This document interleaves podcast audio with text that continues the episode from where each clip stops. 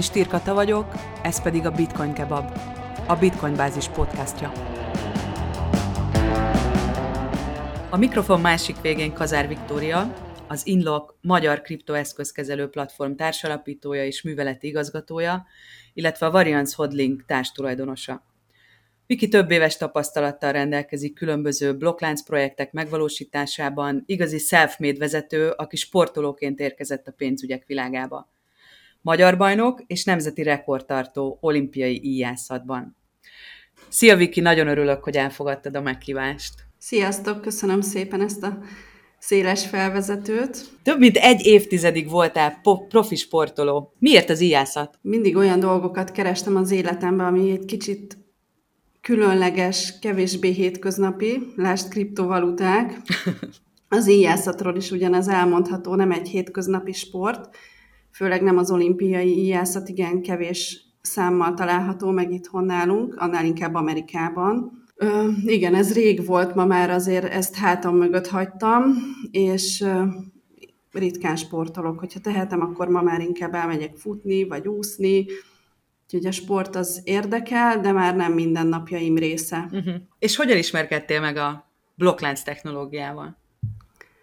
Még 2013-ban egy szilveszteri bulin a házigazda mesélt nekem a kriptó, illetve akkor még nem is a kriptókról, mert akkor még csak a bitcoin létezett, és nagyon érdekes volt, mert ott megismerkedtem az egész white paperrel, megnéztem, hogy milyen egy igazi bányászgép, és teljesen magával ragadott ez a technológia, akkor még én nem gondoltam arra, hogy ú, ez mennyit fog érni, inkább az volt bennem, hogy ezt mindenki fogja használni. Akkor voltunk így a dotcom lufi után, egy IT cégnél dolgoztam, és a munkahelyemen is folyamatosan azt néztük, hogy milyen újabb szolgáltatásokat tudunk eladni az ügyfeleknek, mit kellene tennünk, változtatnunk azért, hogy a cég még sikeresebb legyen, ami egyébként akkor is a világ egyik vezető multinacionális IT szolgáltató cége volt, ma is mhm. az. Minden esetre nagyon benne mozogtam ebbe az IT iparágban, és, és akkor számomra egyértelmű volt, hogy ez lesz a jövő, és, és nekem ilyen kell. És akkor, Tehát a technológia sohasem állt volt tőled, mindig is ebben mozogtál. Érdekes, mert én ugye nem vagyok informatikus, de mindig, szinte mindig ez, ilyen munkák vettek körül, úgyhogy felhasználói szinten, vagy egy egész magas szinten uh-huh. foglalkozom a témával, és igen, hát ma ez, ez a jövő, tehát ma már az autónk is internet nélkül van olyan kocsi, ami nem tud működni. Igen. Úgyhogy még színkártyát is kell beletegyél. Úgyhogy teljesen, most a legújabb kávéfőzőket néztem éppen, hogy internet connection nélkül nem működik. Szörnyű. Ugye? Képzeld, reggel fölkelsz, nincs internet, és megörülsz egy kávét. És nincs kávé. Igen.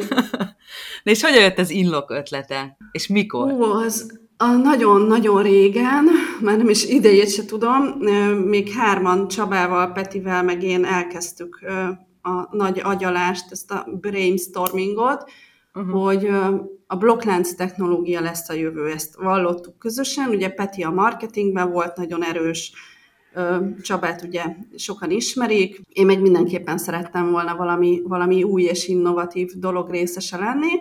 Tehát ebben egyetértettünk, hogy blockchain technológia, és hétvégeken, meg esténként így leültünk, és akkor kerestük azt, hogy mi lesz az a projekt, amit majd mi megvalósítunk, és hát hetek, hónapok mentek el avval, hogy, hogy összeírtunk valamit, aztán ment a szemétbe, és aztán az élet hozta, hogy a, egy srácnak szüksége volt pénzre, és hát nekünk nem volt pénzünk, csak kriptónk, ugye hát az nem, tudjuk, az nem pénz.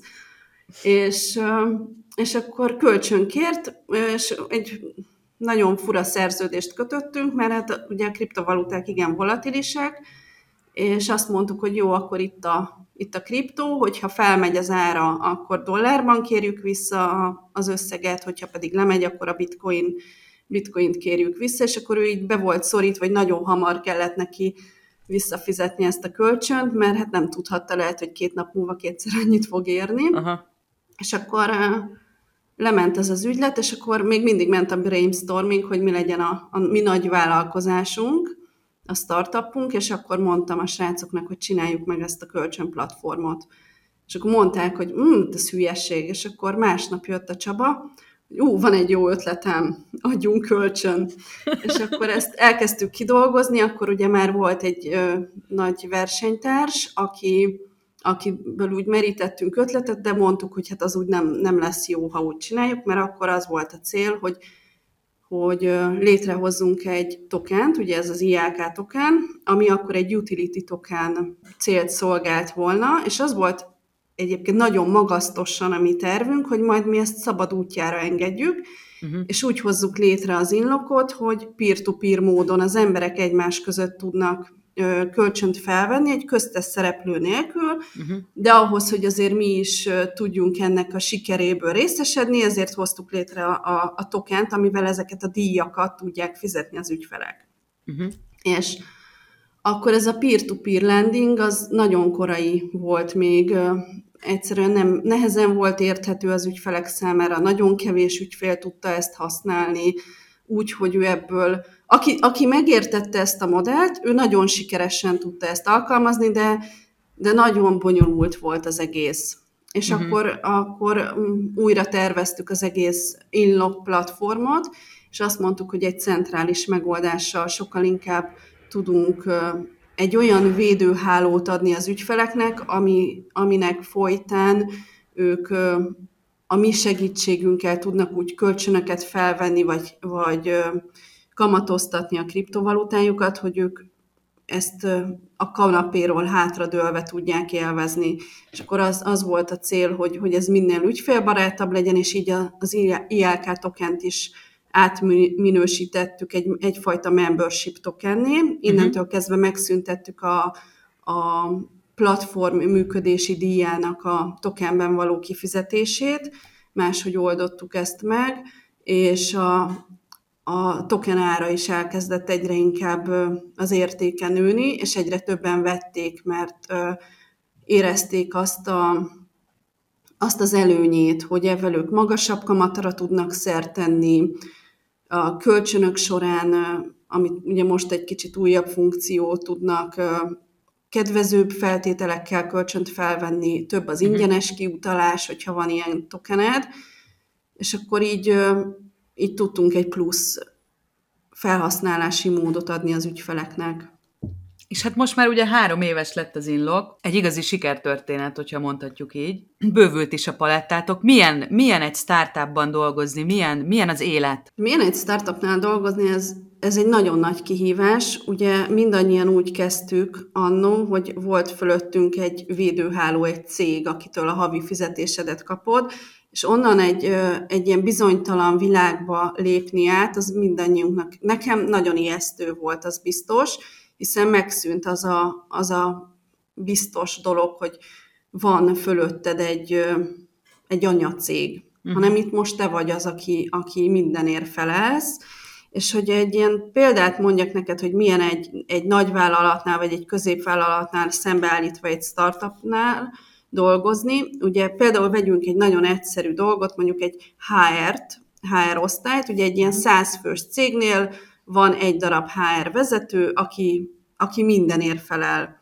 Hogyha egy nagyobb multinacionális vállalatot nézünk, akkor ott mondjuk van öt darab HR vezető, az egyik felel a kifelé menő kommunikációért, hogy hogy kommunikáljon a cég, hogy hozzá még több dolgozó jelentkezzen, és uh-huh. jó hírű legyen a cég. Van egy másik HR vezető, aki a dolgozók és a cégvezetők közötti kommunikációért uh-huh. felelős, és akkor van egy másik HR vezető, aki pedig egyéb dolgokért, és akkor még, még sok más alfeladat van. Na most ehhez képest az, a, a startupok úgy működnek, hogy van egy dolgozó, aki felel a HR-ért, a könyvelésért, a marketingért, a, marketingért, a PR-ért, a, a dolgozói elégedettségmérésért, az ügyfélpanaszok kezelésért, és akkor még sorolhatnám. Tehát, igen. igen. Tehát, hogy egybe a jogi megfelelés, a belső szabályzatok kidolgozása, és akkor ez így, ezt így egyben kell kezelni. És Teljes nem is érezzük.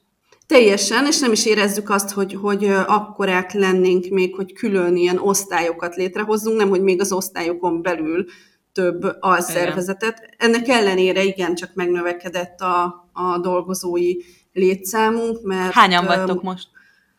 Most már 15-en vagyunk, uh-huh.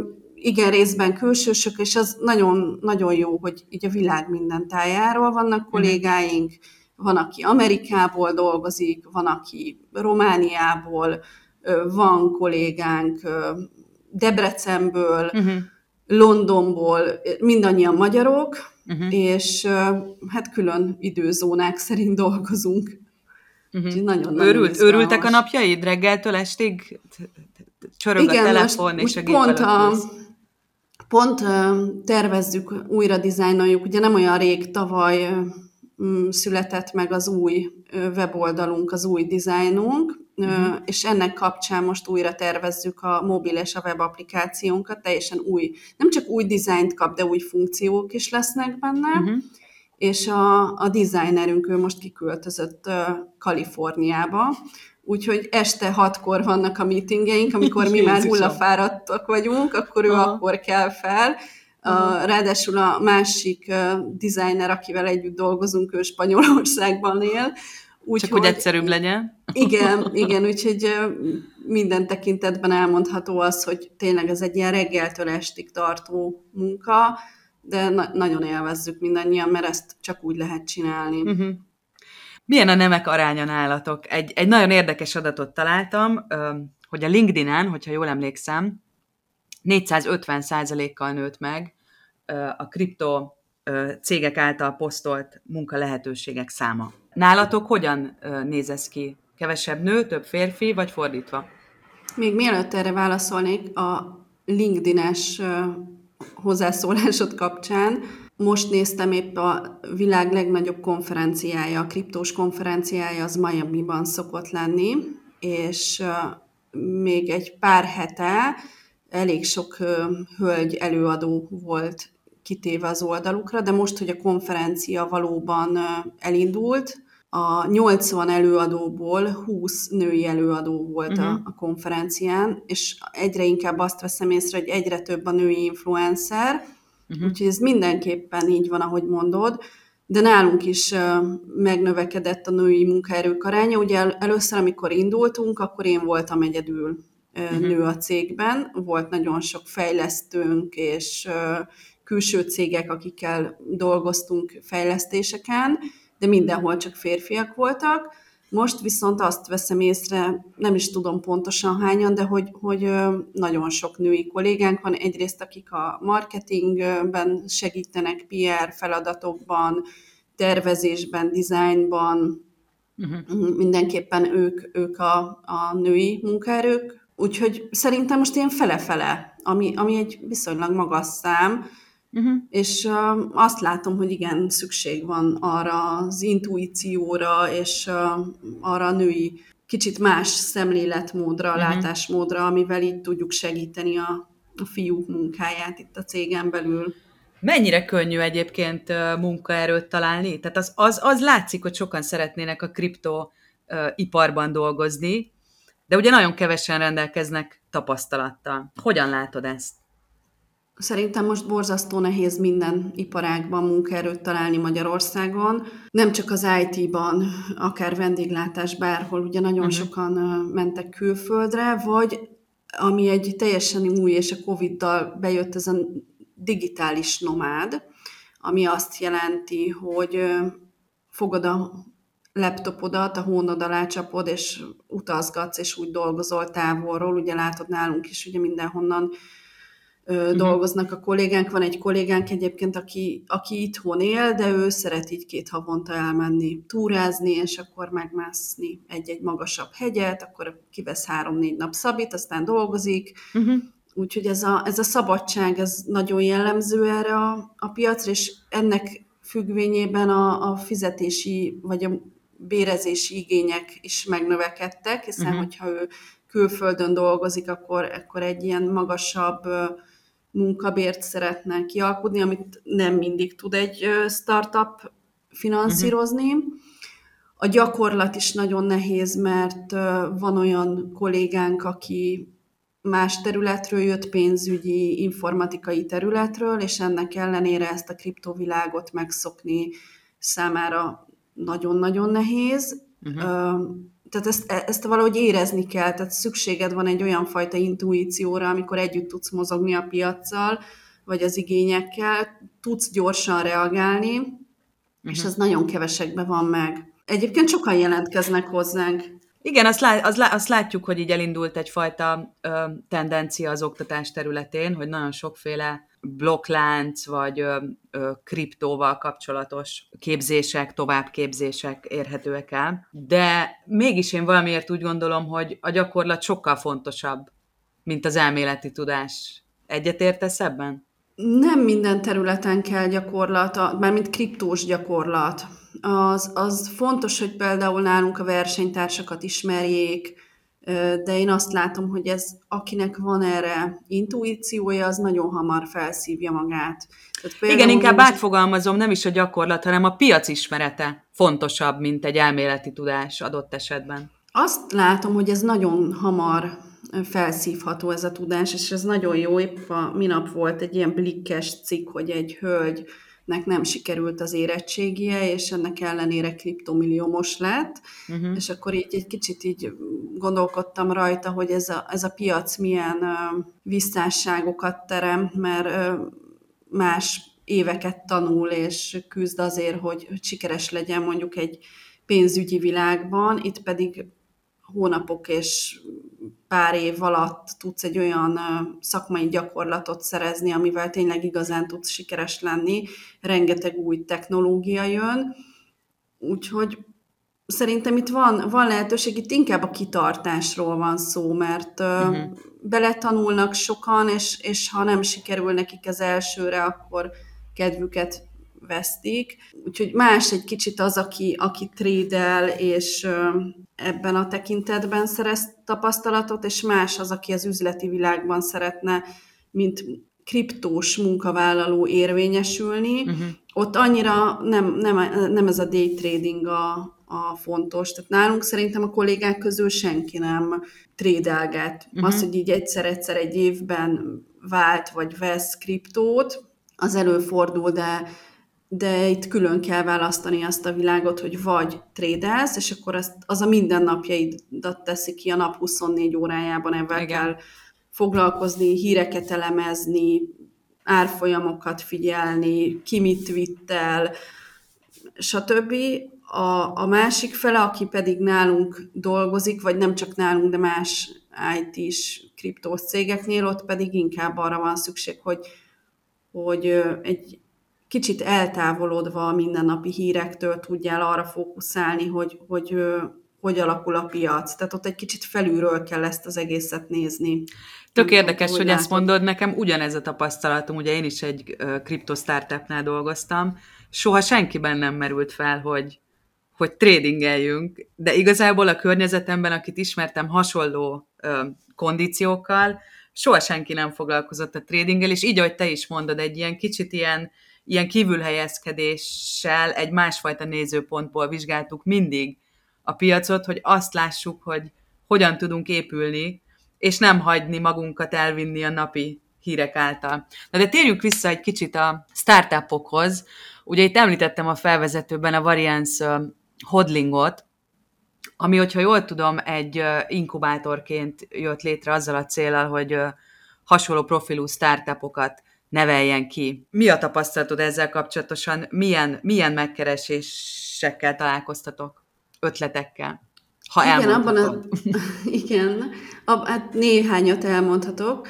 Abban az időben mi nagyon nagy hangsúlyt fektettünk az oktatásra, és akkor így rócsóztuk végig az országot, mindenféle kriptós előadásokat tartottunk egyetemeken, nagyvállalatoknál, szinte az összes magyar hazai bankot végigoktattuk, hogy mi is az a kriptovaluta, mi az a blokklánc technológia, és ennek kapcsán nagyon sok megkeresést kaptunk, hiszen akkor is ugye szó volt arról, hogy mi építünk egy startupot, és ezért nagyon sok megkeresés érkezett hozzánk, és akkor mi elhatároztuk, hogy megpróbálunk segíteni, de csak és kizárólag blokklánc alapú startupoknak. Bocsánat, hogy közbevágok, ez időben mikor volt? Csak hogy így el tudjuk helyezni, hogy mikor jött egy ilyen boom. Hát ez olyan öt, öt éve körülbelül, amikor a amikor ezek az ICO-k Aha porondra kerültek, és mindenki ICO-t szeretett volna csinálni. Gyors meggazdagodás de... reményében, bocsánat. Igen, igen, és akkor az volt nekünk a fő motivációnk, hogy azért azokat kizárjuk, mert tehát nem mm. ez volt a cél, hanem tényleg valami jót szerettünk volna létrehozni, és ezért nagyon sokan kiestek a rostán. Uh-huh. Rengeteg. Tehát volt olyan, hogy most tényleg száz megkeresésből azt tudtuk mondani, hogy ebből kettő olyan, akivel akkor el tudunk kezdeni foglalkozni. Uha. Ez Ugye azért... akkor volt, uh-huh. volt még a blokklánc műhely, volt akkor a plakátkampányunk, a tisztabit.hu, az uh-huh. ma mhm. már nincs meg. Tehát rengeteg ilyen karitatív összefogás volt abban az időben, rengeteg meetup, havonta voltak meetupok, ugye akkor még el lehetett menni este jókat sörözni Covid kártya nélkül. Igen. És na minden esetre egy kicsit más világ volt, akkor, akkor rengeteg startup inkubátor jött létre, akkor, akkor indultak ezek a ma már elhíresült startup inkubátorok, és akkor megkeresett minket egy nagyon érdekes projekt, akik, képzeld el, azt találták ki, hogy ők mozifilmeket, vagy ott, hát akkor már kezdődött talán a Netflix láz, uh-huh filmeket fognak tokenizálni. Méghozzá úgy, hogy a filmben szereplő tárgyakat be tudják teggelni a, a szegényebb országokban élő emberek, uh-huh. és ugyancsak lesznek validátorok, akik ezeket a teggeléseket validálják, és akkor a gazdag országban élő emberek pedig meg tudják ezeket rendelni. Tehát ha te nézel egy James Bond filmet, és el tudsz vonatkoztatni a főszereplőtől az ő öltözékére, és látsz rajta mondjuk egy karórát, akkor ott a film alján ki tudod választani, hogy akkor ez egy milyen óra, és rögtön meg tudod rendelni a, a webáruházban. Uh-huh. És akkor másnap már érkezik is hozzád, vagy hogyha éppen söröznek egy filmben, és eszedbe jut, hogy oppá, elfogyott itthon a sör, akkor csak egyet kattintasz, és uh-huh. és akkor megérkezik hozzád már a rendelésed, és akkor ott az volt a, a nézőpont, hogy ezt, ehhez létrehoznak egy tokent, és akkor lesznek ugye a validátorok, meg a teggelők, meg a filmkészítő, Aha. és akkor a reklámot úgy tudják elhelyezni a filmekben, hogy azt te észre se veszed, vagy be tudod kapcsolni, hogyha szükséged van rá. Ugye nagyon uh-huh. sokszor láthatunk olyan jelenetet, hogy ú, de jó kocsina, akkor kíváncsi lennék, hogy ezt hol mennyiért tudom megvásárolni, Aha. és akkor érkezik az Aston Martin, ugye, teljesen valid dolog. Na mindegy, erre ráépült volna egy egész piac, mert ugye Aha. azért ezt gondold végig, ugye itt van egy, egy webáruház, amivel össze vagy kötve, ugye élvezed a filmet, és akkor az a nézőpont, hogy ugye egyre kevésbé mm, van szükségünk a filmek közötti reklámokra, ugye például a Netflix ezt teljesen ki is hagyja most igen, már. Igen. Viszont Hála azért, Istennek. igen, igen, de így vissza tudta volna csempész, nem tudom igazából mi lett a projekttel, de Ez volt számos másik. Nem, nem tudom, úgy tudom, hogy nagy tőkét vontak be, és akkor uh, most ott kicsit átformálva uh, haladt tovább. De, volt De hogy nem vetett, vetődött el ez az ötlet, tehát ez még így uh, folyamatban van. Nyilván igen, nem igen. a ti uh, gyámságotok alatt, de hogy ez, nem, ezzel hát, egyszer még találkozhatunk. Igen, ezt mi, mi mérlegeltük egy idő után, hogy tőlünk nagyon sok fókuszt viszel, és bármennyire uh-huh. is érdekes ezekkel foglalkozni, nekünk azért a főzászlós hajónk az inlok, és akkor ennek vetettük alá magunkat, amikor ezt realizáltuk, hogy nem tudunk egy fenékkel több lovon ülni. Hát igen, ezek teljes embert igénylő projektek, akkor a volumenűek, hogy gyakorlatilag egy önálló ekoszisztéma kiépítését igényli egy ilyen horderejű projekt megvalósítása, amit azért elég nehéz így. Igen, de érdekes, mert akkor mi létrehoztunk egy hubot, egy őrülten nagy irodát béreltünk, és akkor uh-huh. ott volt egyébként a Mr. Coin is mellettünk, akik ugye már, már nincsenek ebben uh-huh. a mhm. formában, de számos más projekt kuckózott be hozzánk, és akkor szerettünk volna létrehozni egy ilyen kis magyar startup uh-huh. irodát, de aztán, aztán rájöttünk, hogy, hogy ez nem, nem működik olyan jól, úgyhogy mindenképp arra fókuszálunk, hogy a mi termékünk az még uh-huh. sikeresebb legyen. Hogyan látod egyébként a mai magyar kripto ö, piac állapotát, és ezt olyan szempontból kérdezem, hogy te, mint abban dolgozó Jó a kapcsolat az egyes szereplők között? Van egyáltalán kapcsolat? Egészséges ez a, ez a piaci állapot, ami, ami ma fennáll, és fejlődőképes? Én egy borzasztó kritikus ember vagyok, úgyhogy ilyen szempontból rosszat kérdezel. Szerintem nem, nem olyan, mint volt. Tehát azt, a, a, arra emlékszem, hogy amikor mi kezdtük ezt, akkor tényleg nagyon sok közös ö, esemény volt, uh-huh. és, ö, és tényleg ilyen szinte barátságok tudtak kiépülni. Ma egy kicsit így a, a Covid miatt is így kicsit széthúz a piac, ö, megjelentek sikeresebb vállalkozások, és megjelent nagyon-nagyon sok scam vállalkozás, és uh-huh. ezek a, a skemek egy kicsit úgy óvatosabbá tesz, teszik a, a szereplőket, hogy kikkel beszélsz, hogyan beszélsz, és ezért ez, ez ilyen szempontból megnehezíti a, a, a, a piaci kommunikációt. Aha, értem. Tudsz esetleg példát mondani arra, hogy mik azok a jelek, amelyekre figyelni kell, ami, ami égbe kiáltó, hogy itt valaki egy szkemmel áll szemben? Az első és legnyilvánvalóbb jel az az, hogy nagyon hamar, nagyon gyors meggazdagodást ígérnek, illetve nem is ígérnek semmit, csak, csak azt sugalják, hogy ha te vásárolsz például egy coinból, akkor, akkor te itt nagyon hamar meggazdagodsz, uh-huh. és azért ez nem nagyon megy könnyen. Például az inlokkal szemben is gyakran kapjuk azt vissza, hogy kevés az a mondjuk 20% éves kamat, mert máshol 300%-ot kínálnak, és, és ebben nehéz versenyezni a 300%-kal, de azért érdemes elgondolkodni azon, hogy azért bármennyire Mennyire reális ajánlat ez. jól csengő, de nem reális, igen. Uh-huh. igen tehát én, én megnézném azt, hogy amögött a, az ajánlat mögött van egy cég, a cég mögött milyen emberek állnak, ők már benne voltak-e esetleg hasonló szkemekben, mit ír róluk a, a hazai mm, sajtó, vagy a social media, uh-huh.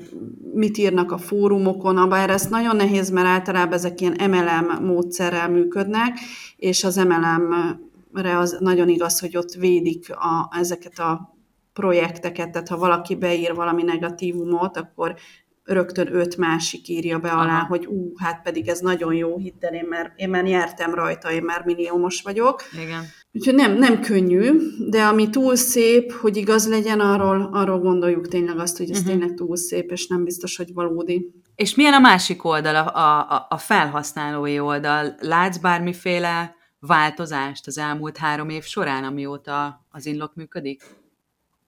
Fantasztikusan megnőtt a felhasználók tudása, tudatossága, uh-huh. sokat edukálódtak, rengeteg olyan chat van most, van például az Inloknak három magyar Telegram csoportja is, most már van képzeld egy, aki egy olyan, egy drifting csatornánk, ahol, uh-huh. ahol már megújuló energiáról és mindenről beszélünk, ami nem kriptó. Wow. Van, egy, ugye, van egy hivatalos csatornánk, és akkor van egy off-topicunk. Na most tehát az mhm. off-topicon uh-huh. pont tegnap, hát egész nap arról ment a dis- diskurzus, hogy proof of stake, proof of work, mi lesz az Ethereum 2-vel, hogy alakul a bitcoin sorsa, érvek, ellenérvek, olyan színvonalas volt a vita, uh-huh. hogy nem is vitának nevezném, hogy többen bejöttek és írták, hogy igazából itt többet tanultak, mint, mint bármely más fórumon az elmúlt egy évben. Köszönhetően annak is, hogy, hogy nagyon sok olyan olvasónk, illetve csetelünk van, akik, akik igazából nagy pénzekkel játszanak, és nagy uh-huh tőzsdei, kriptotőzsdei tapasztalattal rendelkeznek, úgyhogy áll, áll, nagyon gyakran mennek itt a, az ajánlatok, hogy hú, most akkor melyik coinba szálljunk be, melyik az új, legújabb scam, scam projekt, rengeteg hasznos információ van, van, amikor bányászatról van szó, és én is csak lesek, hogy valamikor nem is tudom követni, hogy éppen most milyen uh-huh. hash elemeznek.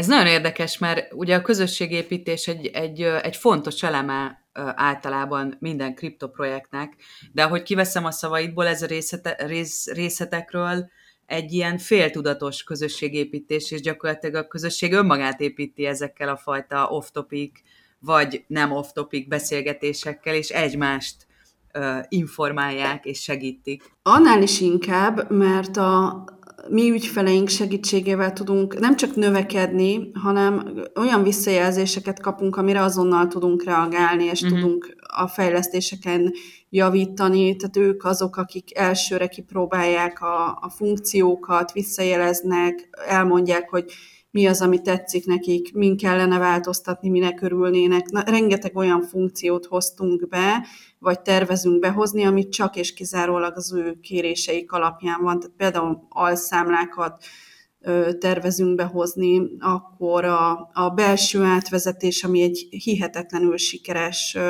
funkciónk volt most a legutóbb, hogy ha egymással mennek azért a dílek, és akkor ők ingyen át tudnak küldeni az egyik számláról a másikra, uh-huh.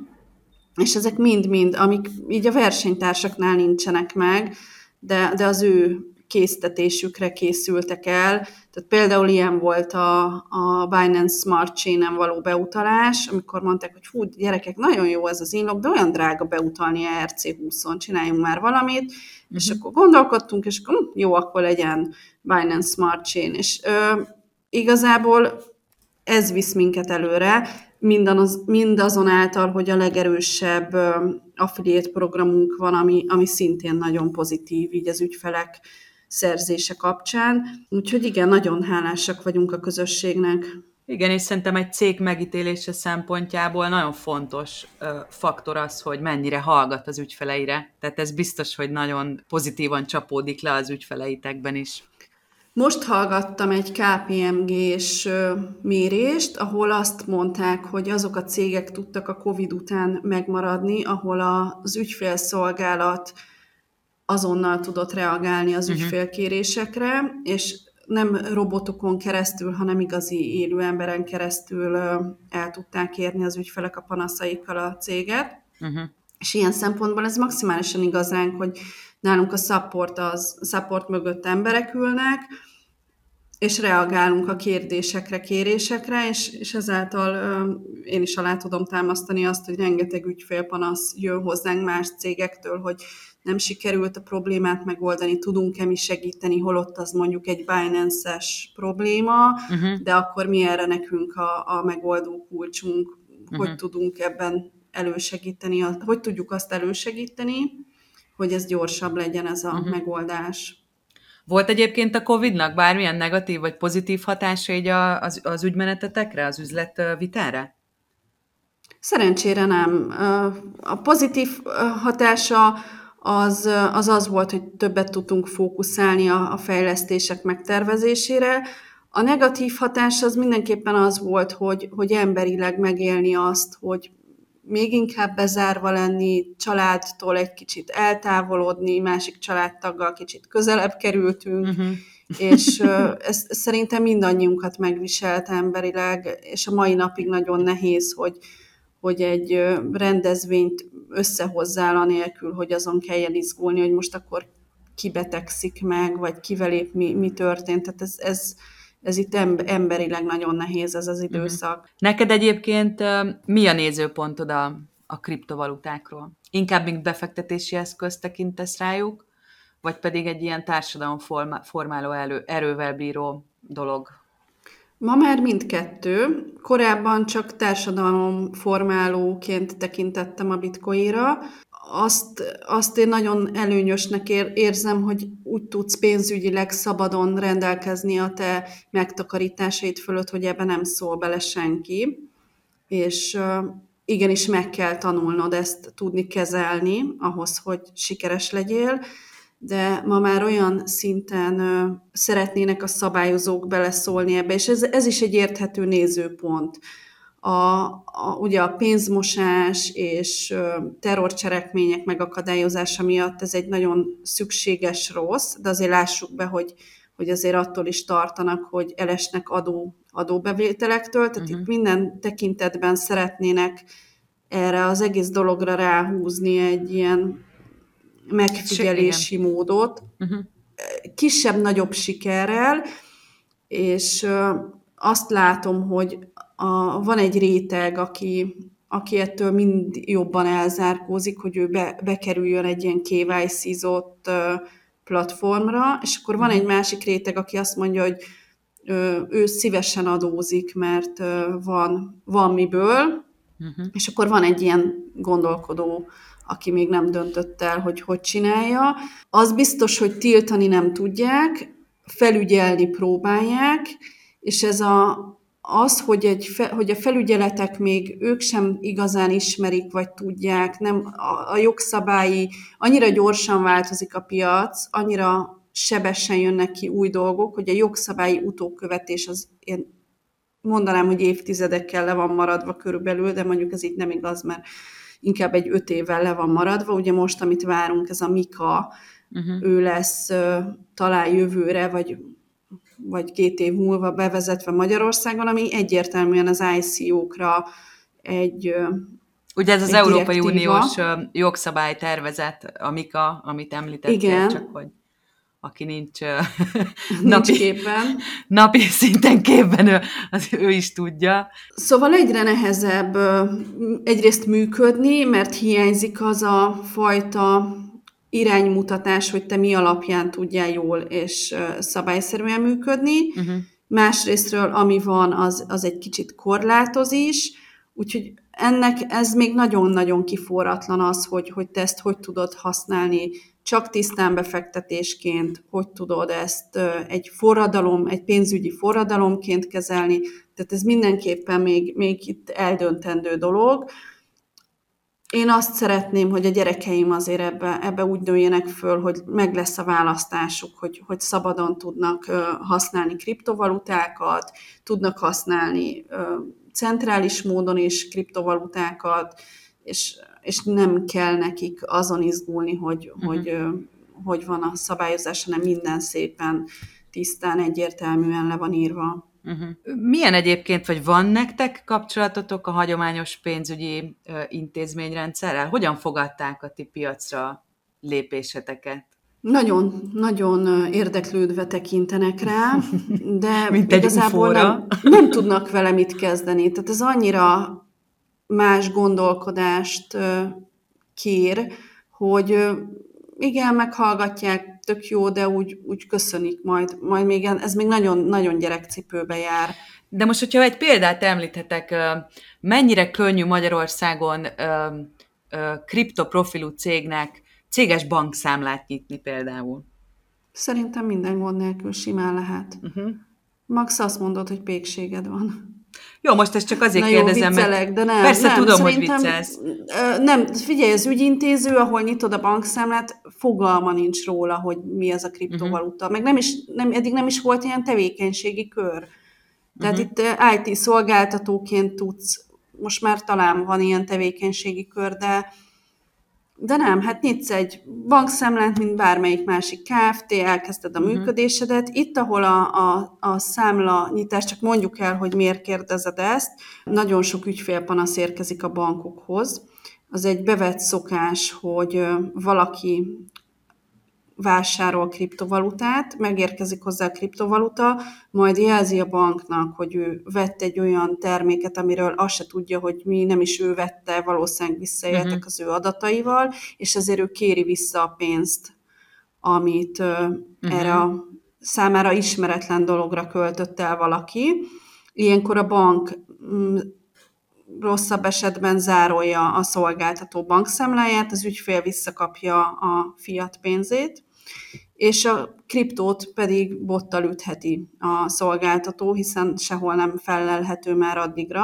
Igazából itt a norvég kis nyugdíjastól kezdve egész világon keresztül tudunk példákat hozni, akik ezzel fogla, ebből élnek, nem is uh-huh. rosszul, viszont a szolgáltató ott áll, hogy zárolják a bankszámláját, amin van x 10 millió forint, nem tud működni, hiszen nem tudja az ügyfeleit kiszolgálni, kell neki egy új másik bankszámlát nyitni, és akkor a végén ő tisztázza a nevét, hogy hát ő, ő ezt eladta, és rendes, becsületes polgárként árusította ezt a kriptovalutát, de mhm. addig eltelik két-három hónap.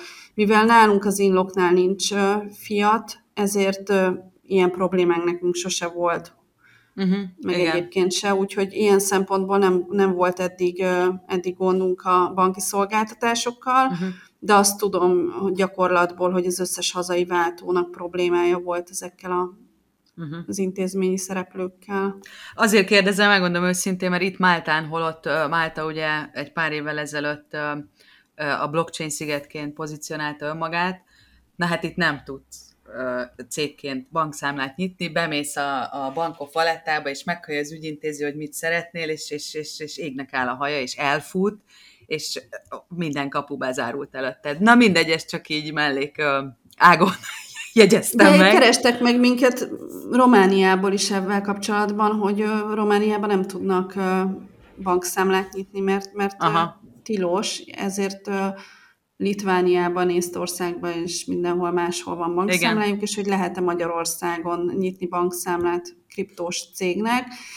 Magyarországon nincs olyan még egyelőre, hogy kriptós cég. Hogyan látod a jövőt, Viki? Mi, mi a terved a jövőre vonatkozóan? És ezt azért kérdezem, mert tudom, hogy megalapítottad a victoriakazár.hu-t, ami a te személyes weboldalad, ahol úgy fogalmazol, hogy hogy a te nézőpontod eltér az eddig megszokottól, gyakorlati, gyakorlati és, és szemléletes. Mi a terved ezzel a honlappal? Mi, mit szeretnél elérni? Szeretnék létrehozni egy olyan független oldalt, ahol, ahol nincs semmilyen befolyásom arra, hogy, hogy mit és hogyan írok. Ugye, ami, ami engem most leginkább dühített az elmúlt időszakban az, hogy, hogy az influencerek az alapján kommunikálnak, a, amiből ők pénzt remélnek, vagy pénzt uh-huh. kapnak, és ezáltal egy teljesen félrevezető képet tudnak adni. De ez igaz az összes kriptós vállalkozásra is, hogy csak a saját szemszögéből tud egy terméket bemutatni, és, és így rengeteg scam került fókuszba, rengeteg olyan ö, leírást találunk, ami csak az egyik oldalát mutatja be ennek a világnak, holott ennek rengeteg olyan másik aspektusa is van, ami miatt érdemes megnézni több szemszögből. Tehát például nem mondom azt, hogy az inlok mindenkinek jó, mert aki daytradelni szeretne, az, annak nem, nem feltétlenül az inlok a legjobb választás, aki nagyon ö, szkeptikus, annak lehet, hogy egy Ledger valetta jó, aki készpénzt használ, ő neki lehet, hogy egy ATM a legjobb. Tehát nem jelenthetjük ki azt, hogy akkor te csak így és ebben a formában ö, tudod használni a kriptovalutákat, mert ez egy, ez egy nagyon széles spektrum. Tehát például most minap hívott egy volt ismerősöm sportoló és sportban mozog, hogy ő szurkolói tukánt szeretne venni, Mhm. és segítsek neki, és ő nap mint nap követi a, a meccsek állását, hogy melyik sportoló hova igazol, tehát neki egy szurkolói token lehet jó befektetés. Uh-huh. Ebbe én kevésbé tudok neki segíteni, de hogy azt mondjam, hogy akkor neked kizárólag a bitcoin jó, vagy a, a stablecoin, azt nem tudom kijelenteni, mert ő nem ebbe a közegbe mozog, ő nem ezt Persze. figyeli. Viszont a sportban meg nagyon ott van, napra Mhm. kész. Tehát akkor, ha ő szeretné kipróbálni ezeket, akkor ő tudja, hiszen jár meccsekre, utazik külföldre, szeretne bejutni egy, egy öltöző látogatásra, tehát Mhm. neki ilyen szempontból ez egy jó alternatíva. Tehát nem mindenkinek ugyanaz a, a, a, a sikerességhez vezető út, és ezt, Igen. ezt nem látják sokszor a, akár egy, egy sajtóorgánum, vagy egy, vagy egy influencer. Igen. És azt szeretném, hogy egy kicsit az- köre. Igen, kicsit hátralépni az inloktól, és egy kicsit olyan dolgokról is beszélni, amire ott nem, nem amire ott nincs lehetőség. Uh-huh. Sok sikert kívánok neked ehhez, Viki. Nagyon köszönöm, hogy itt voltál. Köszönöm szépen, sziasztok!